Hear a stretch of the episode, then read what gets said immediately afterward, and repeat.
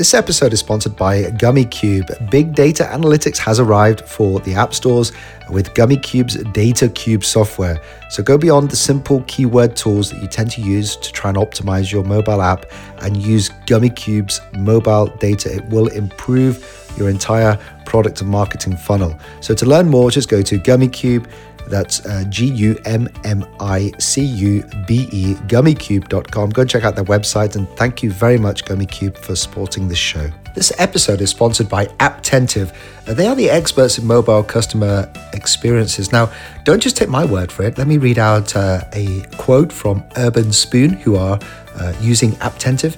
Apptentive's rating prompts have increased our positive ratings and reviews by over 1000% and helped us to turn unhappy customers into loyal fans. So if you want to find out more and get a free consultation, go to www.apptentive.com forward slash app guy. That's all lowercase. And thank you very much, Apptentive, for being an awesome sponsor. Hi, I'm Corey Handy, and I'm the founder of FounderFox.io, and you're listening to the App Guy podcast. The App Guy podcast, straight from your host, Paul, the App Guy sharing his app entrepreneur journey with you for your enjoyment. And now, Paul, the app guy.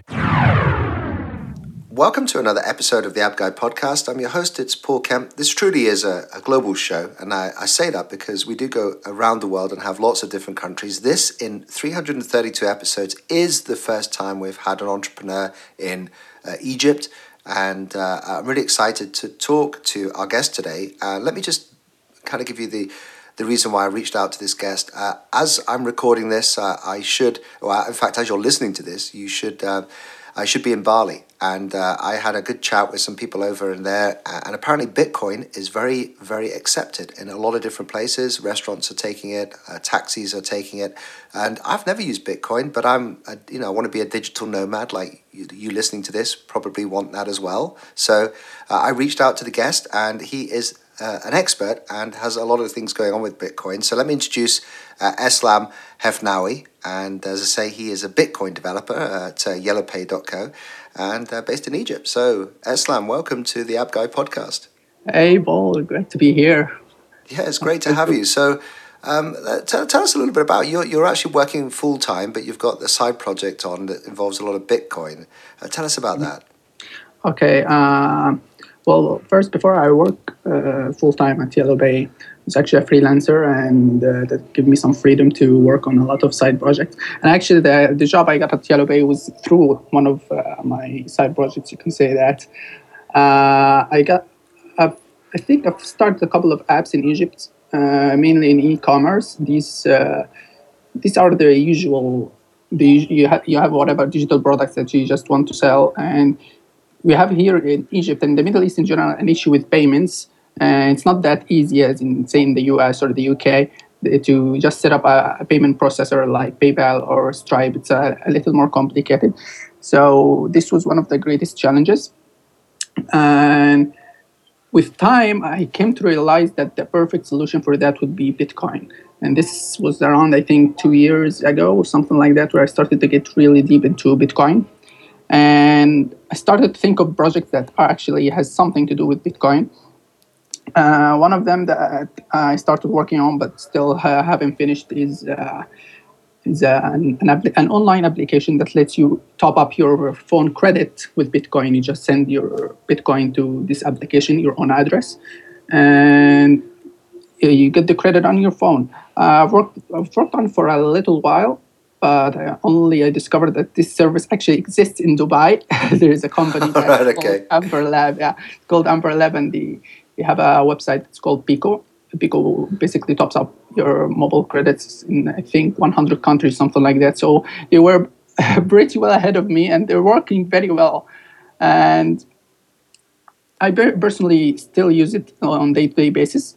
So. Uh, maybe I could say for that reason I stopped working that project in particular and starting to focus more on Bitcoin as a as an exchange or as a company as a whole as a payment processing. I wanted to provide a way for uh, people in the Middle East to accept Bitcoin in their websites to sort of just grow grow the ecosystem here for Bitcoin in Egypt because very very few people have heard of Bitcoin in Egypt and specifically in Alexandria, where I where I was from. Uh, where, are you, where are you calling us from? Where uh, where exactly are you? Right now, I'm in Alexandria, Egypt. Oh um, wow, that is yeah. great! So uh, you're in the middle of Alexandria because I know it's a hustly bustly kind of city. I've been to uh, Cairo and mm-hmm. mm, yeah, it's a little bit less crowded than Cairo.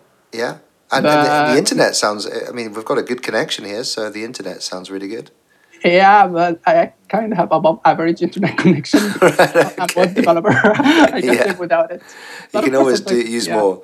Yeah, yeah, of course. But uh, now, now, just uh, just let me just kind of take a step back. I mean, uh, we're going to mm-hmm. go into those projects, but mm. uh, we do have uh, listeners to this show. Um, I'm going to assume that everybody knows what Bitcoin is. It's pretty now mainstream. Um, mm. But I must admit, I, it was the first time uh, that I started using it, and I was uh, clueless. And if it wasn't for you helping me and uh, some other people in a, a chat room that I was help um, get, getting some help with, then I, but once I started using it, it's really easy. How do you get people over that first hurdle of uh, just not knowing it to then figuring out how to use it?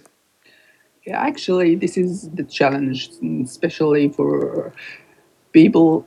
I'm, I'm going to say from perspective or the people here in Egypt in particular, because our audience here actually not only not familiar with Bitcoin, but a lot of them are actually not very familiar in, with technology in general. So these people in particular, if you could get them on board, that would be a huge achievement. Uh, so I found the most effective way to do that is just provi- provide the Bitcoin to be the easiest payment method. For example, that uh, we have here products uh, that accepts Bitcoin. There are very few in the region, but it's Bitcoin makes it the simplest way to pay for these products. There are other payment methods. They're like credit card. Of course, in the US or the UK, people wouldn't really think credit card is hard because they're used to it. But actually, here in the Middle East, credit card penetration is like only 20% or something like that. Around 80% of the whole population don't own a credit card. They actually don't own a bank account. so there's a big opportunity there. There is so, so the so the Appster tribe listening to this now, there's going to be a lot of people who are uh, wanting to travel uh, because building apps, being an app entrepreneur means that you can actually work anywhere in the world. And we've had a lot of guests uh, who have been traveling around. And, and so let me, let me just help the audience uh, explain what I, I did. I, I downloaded an app on my uh, iPhone. I think it's iOS, but I'm sure it's Android, uh, called Bread, Bread Wallet and uh, it was really easy to set up. I mean, it was very uh, easy. I had to memorize some kind of uh, passphrase in case I lose the phone, and so my credits are, are safe. But all you do is, as far as I'm aware, is you get a QR code presented to you, and you present that to the person who wants to send or Uh, yeah uh, send you Bitcoin, and then they, they scan your phone, and uh, you decide how much you you'd want to pay, and it's it's really simple. But the, the hardest challenge is actually getting the bitcoins in the first place. Yes, yes, and and this was a big challenge for me in particular here in Egypt because, uh, of course, like when we talked before, I gave you some pointers on how to get bitcoins in general. But actually, the the websites or the methods that I've showed you are not that available in Egypt. For example, we don't have a, Bitcoin ATM in Egypt. We hardly find someone on that on local Bitcoin. I'm not really sure of the URL. It's uh, just the website that lets you meet other people who has Bitcoin are willing to select. We don't have that many people in here, so I've had to go into great length to get my first Bitcoins. And luckily, I found a website it's called I think Indacoin, something like that. It's an exchange, uh, but a very simple exchange. And at the time, it was accepting credit card payments. And this is very rare in the Bitcoin ecosystem in general because there is a big issue for Bitcoin since it's still a currency after all. You can't really buy it with a credit card because that way there are a lot of security issues that people could just easily charge back the credit card. For example, this is this is one, one of the biggest challenges of Bitcoin actually is, is that if I buy say one hundred dollars worth of Bitcoin with a credit card, I receive it immediately because it's automatic. But what if I called my bank and told them that this transaction was fraud and they need to to, to cancel this uh, transaction? I get my money in the bank and I'll get the Bitcoin. So this way, yeah. were frauding in general. Yeah. So now, now the yeah. thing is, that's the that's basically Visa, Mastercard, all the credit cards screwing the merchants uh, because it's just so easy now to get chargebacks. Yeah, exactly. And for Bitcoin in particular, because it's a digital product, and not only a digital product, it's actually a currency that you can use to buy other stuff. So it's not just a, a song that you could download from iTunes, for example, that will only provide value for you. You know what I mean? So, So what you're saying then is that uh, because of that, then cr- using credit cards is very rare to get bitcoins, and uh, obviously that's the, the, the, the kind of key thing for PayPal and paying online. Uh, is, is typical typically using credit cards. So uh, I'm guessing it's uh, wire transfer or uh, cash that is required to purchase bitcoins. Exactly, because these don't have the issue of a chargeback, especially uh, a wire transfer. I think some exchanges do offer an option for credit cards, but only if you uh, verify your identity. You just it's a, it's a long process that take a couple of days, maybe sometimes a week. Just provide your passport number, your ID, or all sorts of legal documents, just for the sake of if you did something wrong, if you frauded them, they have some information that they can have against you. That still doesn't stop it, uh, but it's uh, a little safer. Yeah, yeah, because you could go around their house at some point, uh, like track them down and say, "Hey, you've Yeah, uh, yeah, you exactly. frauded me. Come on." yeah, exactly. Yeah, exactly. Um, but I'm guessing that you know when you you know a lot of people uh, don't like to give out their identity when buying bitcoins. That's probably a challenge as well. I mean, but the thing is, though, I, I can't understand it. Governments, uh, uh, I'm not sure if they're supportive of this, um, but it is amazing when I, I've been using it. Uh, but it's like cash. Cash is untraceable, and uh, you know it's it's um, yeah. I wonder why there's such a uh, like a, a, government against this thing. I guess it's because governments can't control the currency. Yeah, yeah, exactly. And actually, I would say it's also because of this whole untraceable issue for them. Because after all, credit cards are uh, traceable, and in, in a sense, they want to keep it this way. Uh, they because I'm, I'm pretty sure that transactions on credit cards are much easier and uh, they're they're used all over the world, more, even more than cash if you're traveling abroad or your or your funds are in your accounts and so on.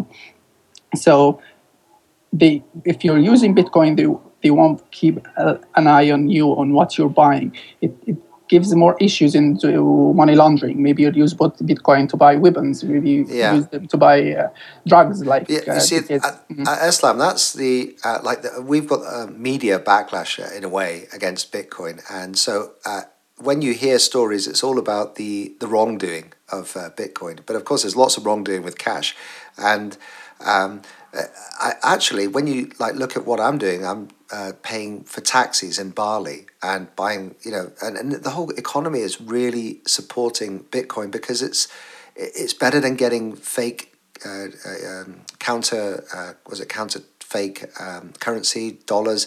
You know it's, it's a better way of transacting. So this is actually very good to hear because i'm, I'm planning to go to bali this summer actually a ta- taxi driver actually accept bitcoin this is nice yeah wow yeah nice yeah So uh, th- that's for for everyone who wants to do what we're doing here. Let, let's talk through now, uh, maybe one or two last transactions that you've done, and, and explain how it works. Because I still th- feel like we're not getting a clear picture on exactly how the process works. Maybe you could just describe your last transaction and what what physically happened to make it.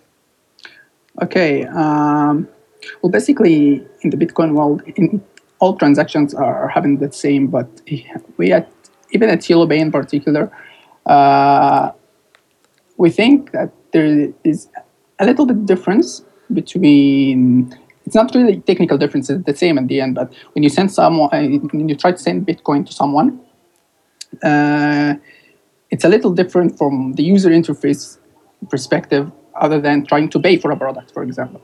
Okay. So, So, like for example, PayPal. I just take an email. I send. I can send money, uh, or I could uh, create a button or get, get a link, and then people pay me through a credit card or PayPal, and it goes it goes into my account. So, how how does Bitcoin differ? uh, okay, I'm, I'm going to give you the example of, uh, for example, topping off my mobile phone because I actually did that like I think yesterday or something like that through Pico. Pico, you basically just log into the website. Uh, you choose your uh, mobile carrier and your country. Just enter your mobile number. Once you do that, the, the web application will just generate an address that is specific to this exact transaction. This is it's used to track whenever a payment comes in, and this is when they know that uh, someone has paid for it and they send you the credit. So it, it, it com- comes up with as a, as a form of what invoice, sort of something like that. It comes an invoice with the QR code and the address on it. You just grab your uh, Bitcoin wallet, point it by the camera and just scan it. Once you do that, all the the fields will be filled. You, say you're trying to charge for $100, it will be pre-filled by $100 and the address is pre-filled already. Just hit send, just wow. like that. It is yeah. that easy. So I love using gummicube.com. They have this tool called DataCube. It's something I highly recommend. It's App Store optimization uh, that will help you discover what's going on in the App Store. Now, one of their big features of DataCube is the competitive analysis that it can do. Now, currently, if you have an app in the App Store, it has thousands of competitors and you really can't analyze them all. You know, there's 5,000 apps added to the App Store every single day. So you do need this software automation to make sure that you're analyzing your competitors. Let the DataCube software keep tabs on your competitors and show you what you need to do to stay ahead of that curve. So DataCube analyzes all the relevant competitors instantly and automatically, and you'll get tracking updates and competitor analysis so that you can easily keep tabs on all these people in your space. This is more than suggesting potential competitors, this is true intelligent software automation. So to request a demo, go to gummicube.com, go and check out their App Store optimization tab, and you'll see some stuff on DataCube. Go and request a demo today. Thank you very much to Gummicube for supporting this show. It's time to thank my wonderful sponsor called Apptentive. Now, they are the experts when it comes to in app communication and customer experience. So, to give you an idea of just how great they are, here's a couple of quotes from some big names that you may have heard of who are actually using Apptentive. So, Big Fish Games say Apptentive's SDK is the easiest integration I've done. It just works, it's dead simple. And Allrecipes say Apptentive helped us improve the quality of our product by looking through trending reactions in our community, uh, which helped us make decisions about our product and business based upon the data we pull from the tool. So they're loving Apptentive. Uh, why don't you go and show some Apptentive love by going to www.apptentive.com forward slash app guy. It's important to do the forward slash app guy, all lowercase, because you'll get a free consultation about what they can do for you. Go and check them out, and thank you very much to Apptentive for supporting this show. So what you're saying then, just to get this, is you go onto a like a particular website that is supporting it. They have a QR code typically. You scan it. Uh, it pre-populates your uh, wallet, and then you uh, hit send. Yeah, exactly. And within, it's detected almost immediately within seconds. But it's still an unconfirmed transaction. This is a, a, long story that gets into the details because some transaction needs to be confirmed. Uh, it's some sort yeah. of uh, security. Let's just assume then it, it, it's like the standard one where it, it, then goes into. So if I'm the recipient, uh, then I can log into my wallet or account, Bitcoin account, and I can see uh, my balance uh, increasing. And what um, division? Because uh, I know bitcoins are quite expensive at the moment, so I'm guessing you do they're, they're divisible by well anything. Uh, is that right? Yeah, yeah. One of the greatest uh, strengths of Bitcoin is the fact that you can pay for very very tiny uh, transactions. That's what they call micropayments. Uh, up until this point, there is eight eight digital places, I think, for uh, the, the, fir- the first one is called the Satoshi. Satoshi is 0.000 like eight times. It's very small. okay. yeah, it's very oh, small. you're talking about the so like instead of pennies and, and cents yeah. and you, you, yeah, the, you're giving us the names now of Satoshi. the yeah. So that's called Satoshi. A Satoshi. Right. And it's it, right now at this current Bitcoin price is very very small. That is it's really not used for anything. The same way that a cent doesn't really account for anything. okay. Same way. But at, at, this exact logic, you can actually donate for for one cent if you want to, and it won't won't have any problem. And there's no transaction fees. I'm guessing. Yeah, so, uh, yeah, that's true. Yeah. There is transaction fees only how the transaction fees are actually calculated is a pretty complex mathematical issue that happens behind the scene. But the general rule is if you, the transaction amount is very, very, very small, like a cent, there is no transaction fees. But uh, uh, when there's a transaction that's much more than that, that's a thousand, something like that, there is a very tiny transaction fees that actually something like three cents, something like that. Oh, nothing like what we're paying at the moment for banks, credit cards, and PayPal, right? Uh, and uh, and what about the exchange rate then? How is that calculated? Because you're actually using what a Dubai-based uh, system called Pico. I mean, how are they getting the global exchange rates? I'm guessing they use some, um, you know, some standard uh, source for exchange rates. Uh, it's it pretty, pretty much works like an exchange rate between any two currencies by supply and demand. No, there is no central authority that just decides on the exchange rate between uh, Bitcoin and uh, US dollar, for example. Uh, it depends on the supply and demand on the ex- different exchanges, and they differ very, very, very slightly depending on which exchange you're using.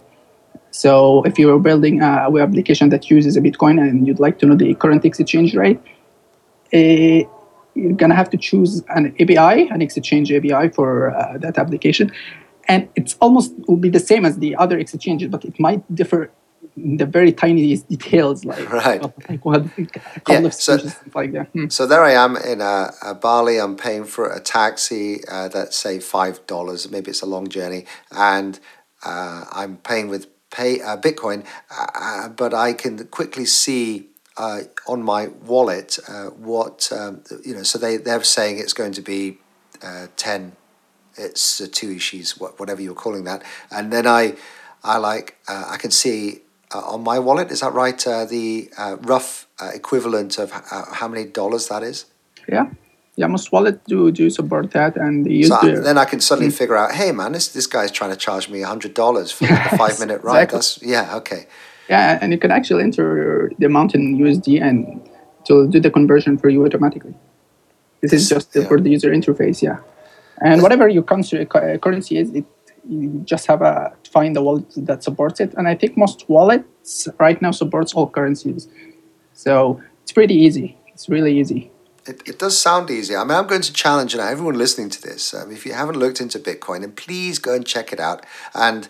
Uh, maybe try and uh, start a few transactions because I mean there is a belief that this is going to be the future of uh, currency transactions, especially when you're talking the minutest uh, uh, fee for sending large quantities of money uh, c- compared to uh, what we're currently having to deal with, which um, you know the credit cards, the banks, and the and the awful things that are going on there. So uh, I challenge the audience uh, download. Now, uh, would you have any recommendations for, let's say, Android users and iPhone users? Um, I've already suggested Bread Wallet.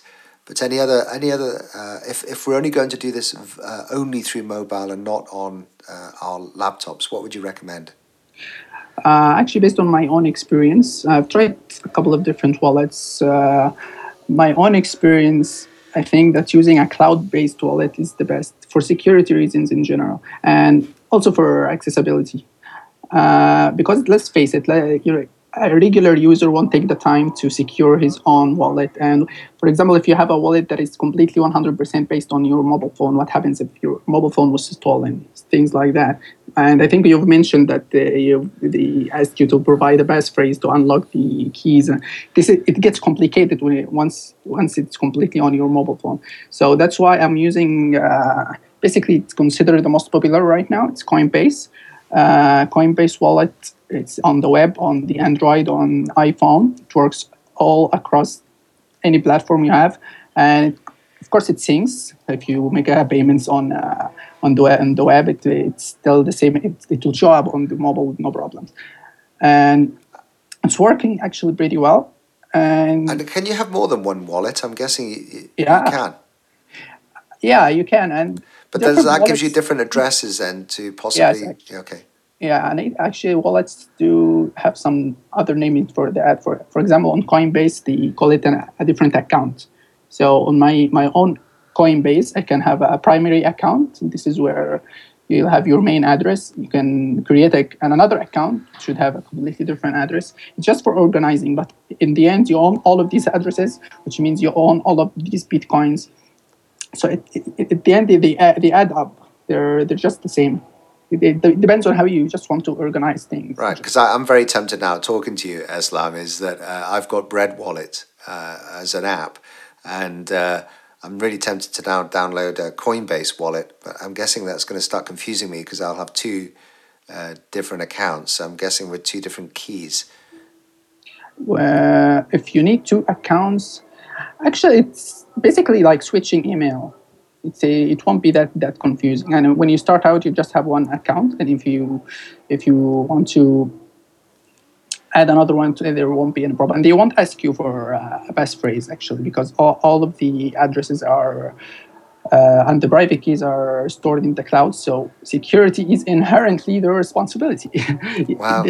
the thing about Bitcoin is most hardcore Bitcoiners don't like Coinbase because it kind of makes Bitcoin a little centralized, which I agree.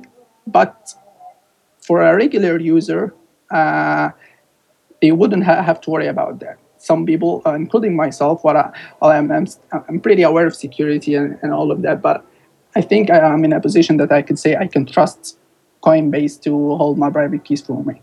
And if I'm in a position where I feel threatened somehow, in this case, yeah, sure. I'm gonna have my own wallet on my own device, and I'm gonna have the responsibility of uh, keeping it safe and backing it up and all that. But I just at this point, it's too much of a hassle. You know, I think most people would agree in that. That's why the easiest solution would be better.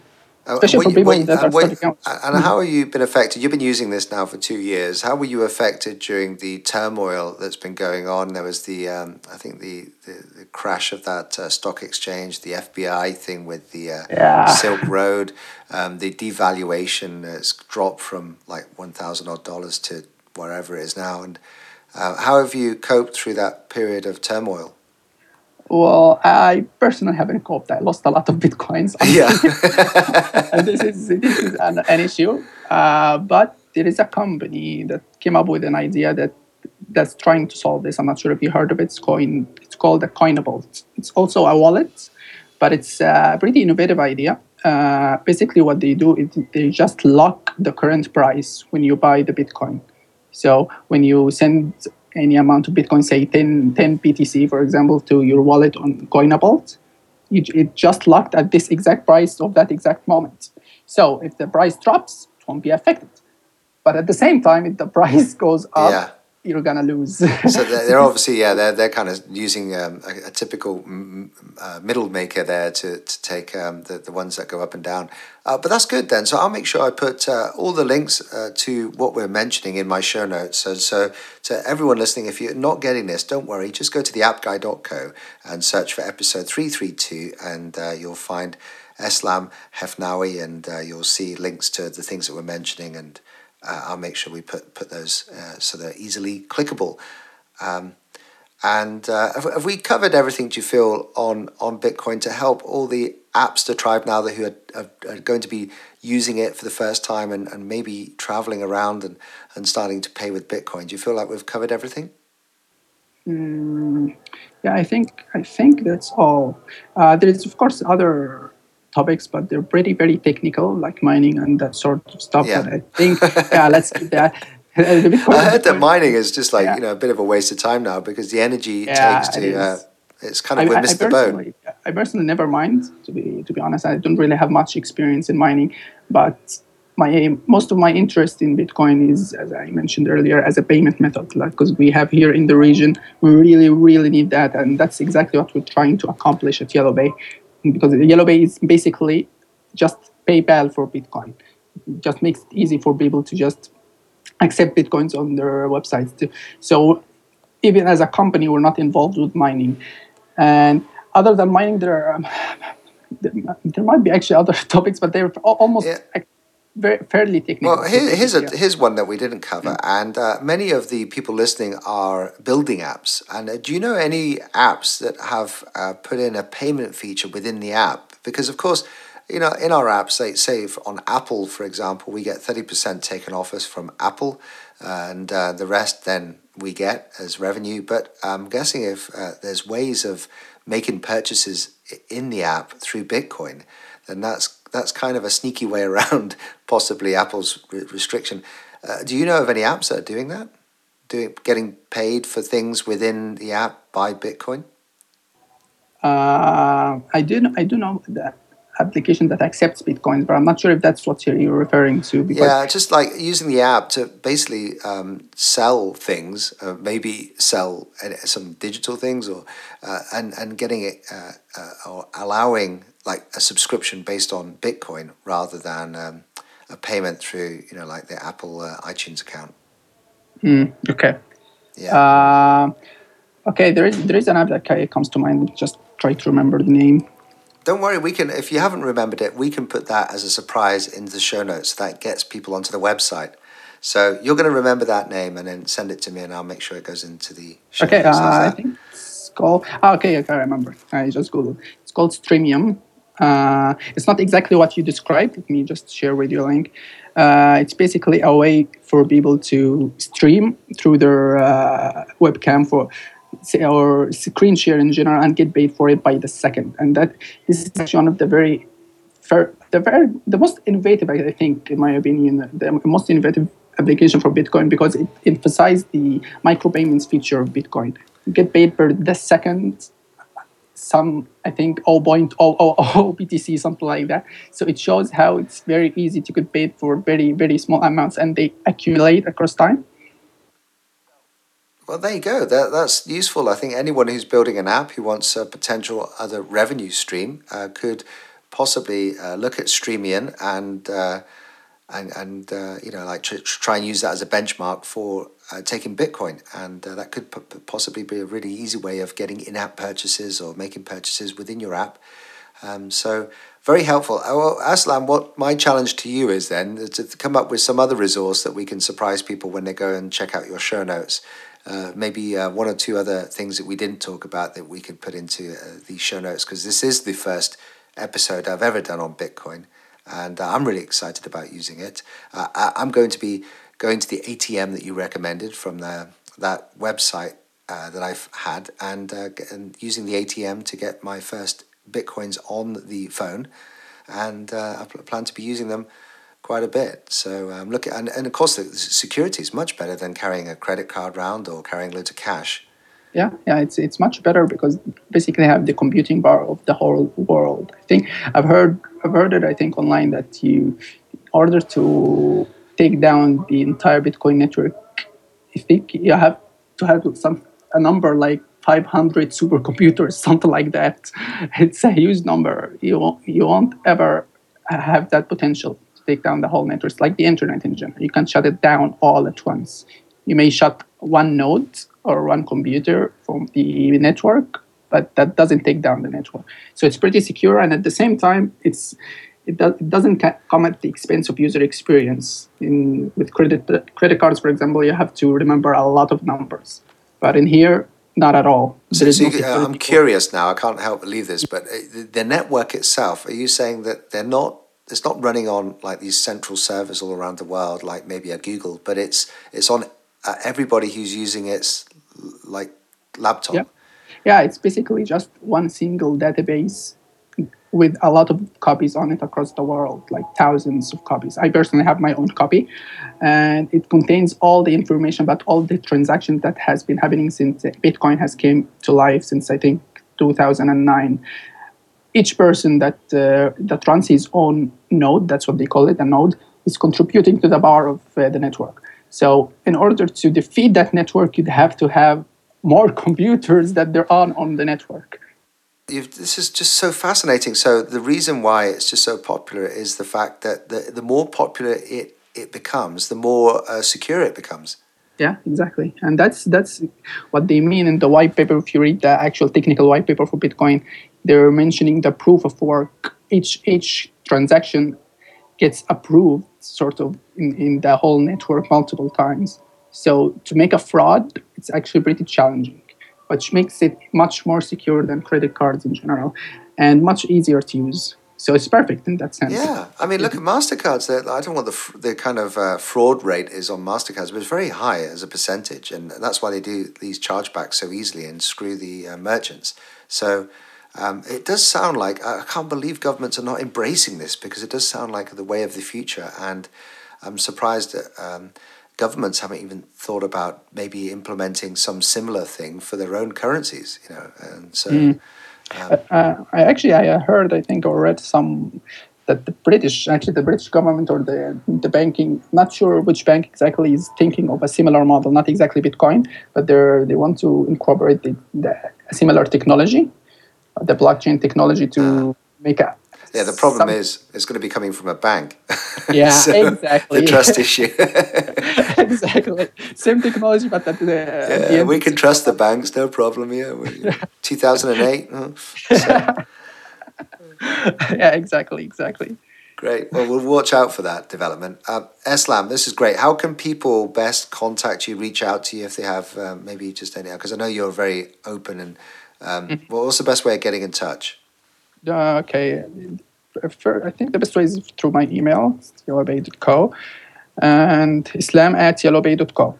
And right. through Twitter as well, it's EA Hefnawy. Okay, so at EA Hefnawy.